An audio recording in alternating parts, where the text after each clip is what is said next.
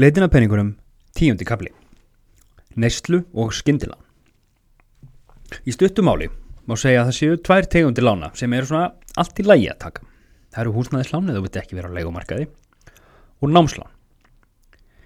Bæði eru þetta lán sem þú tekur til að kaupa eitthvað sem varðveitist. Húsnæðið þitt getur þú selt og keift annað í staðinn og námið þitt nýtist þér til frambúðar og verður vonandi bæði til að auka tekjuru þínar og lífsánægu.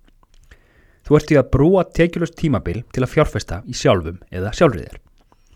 Reynslan hefur sínt að fjárfestingar til íbúðakaupa hafa skilað ágættis ávöxtun yfir lengra tímabil. Og sama á við um mentun. Mentun skila sér oftast í hærri tekjum og skemmtilegri og meira gefandi störfum. Með mikilli einföldun má því líta á þessi lán sem góðulánin eða allavega skárri lánin. Lán er í grunninn ekkert annað en að nýta tekjur sem þú færði framtíðinni til að kaupa eitthvað núna. Húsnæðislán og námslán eru líka yfirleitt á þokkarlega sangjörnum og eðlilegum kjörum. Ólíkt ýmsum öðrum lánum. Ef þú kemst í gegnum megnið af lífinu með engar aðra skuldir en námslán og húsnæðiskuldir, þá ertu á nokkuð góðum stað. Það er alltið góð að taka einhvern yfirdrátt til að brúa einhvern mjög stutt bil, til dæmis sem þakir, þakið byrjar að leka og þú átt engan varasjóð. Það áttir þú líka að spyrja þig af hverju þú átt engan varasjóð. Verrilánin eða jafnvel bara vondulánin eru hins vegar nánast öll önnur lán, sama hvaða nafni þau nefnast. Þú skalt forðast þau öll eins og þú getur af tveimur ástæðum aðalega. Önnur lán en húsnæðis og námslán eru yfirleitt lán til að fjármagna neyslu og eru yfirleitt á mjög vondum kjörum fyrir þig.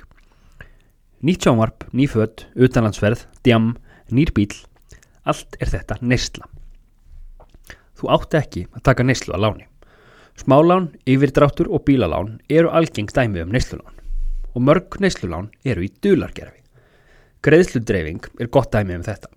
Jafnvel þótt að greiðsludreifing sé sögð vakstalauðs þá er oftar en ekki eitthvað smáttletur sem gerir það verkum að þú borgar kannski 25% meira fyrir ryggsuguna sem þú kaupir því þú kaupir hana á greiðsludreifingu með einhverjum duldum kostnaði. Þá er nær að býða í nokkra mánuði og spara frekar fyrir því sem þú kaupir.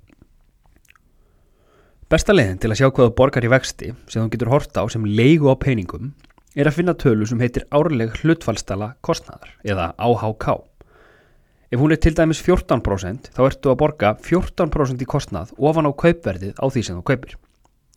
Myndur þú sætta þig við að bæta 28.000 krónum ofan á 200.000 krónar sjónvarpið sem þú varst að kaupa þegar þú kemur á kassan? Þess vegna ættir þú frekar að spara fyrir því heldur en að dreifa greiðslurum.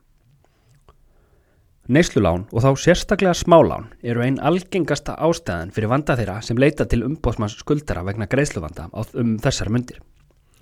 Og fólki sem skuldara þessi smálán er yfirlegt ungt fólk sem hugsanlega skilur ekki hvernig svona lán geta sapnað heiminn hámvöxtum á svona skömmum tíma.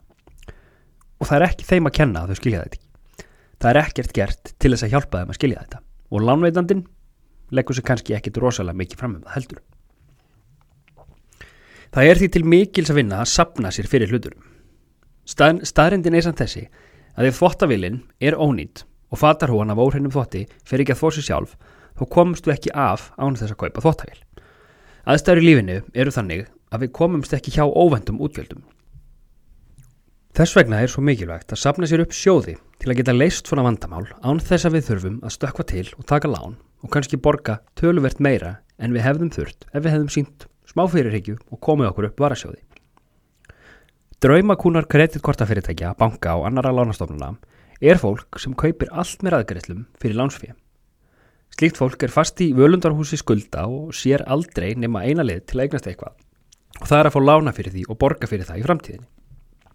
Einstaklingur sem festist í svona skuldarniti neyslulána greiðir stóran hluta tekna sinna á æfinni til lánastofnana í stað þess að gera eitthvað skemmtilegt og uppbyggilegt fyrir peningana.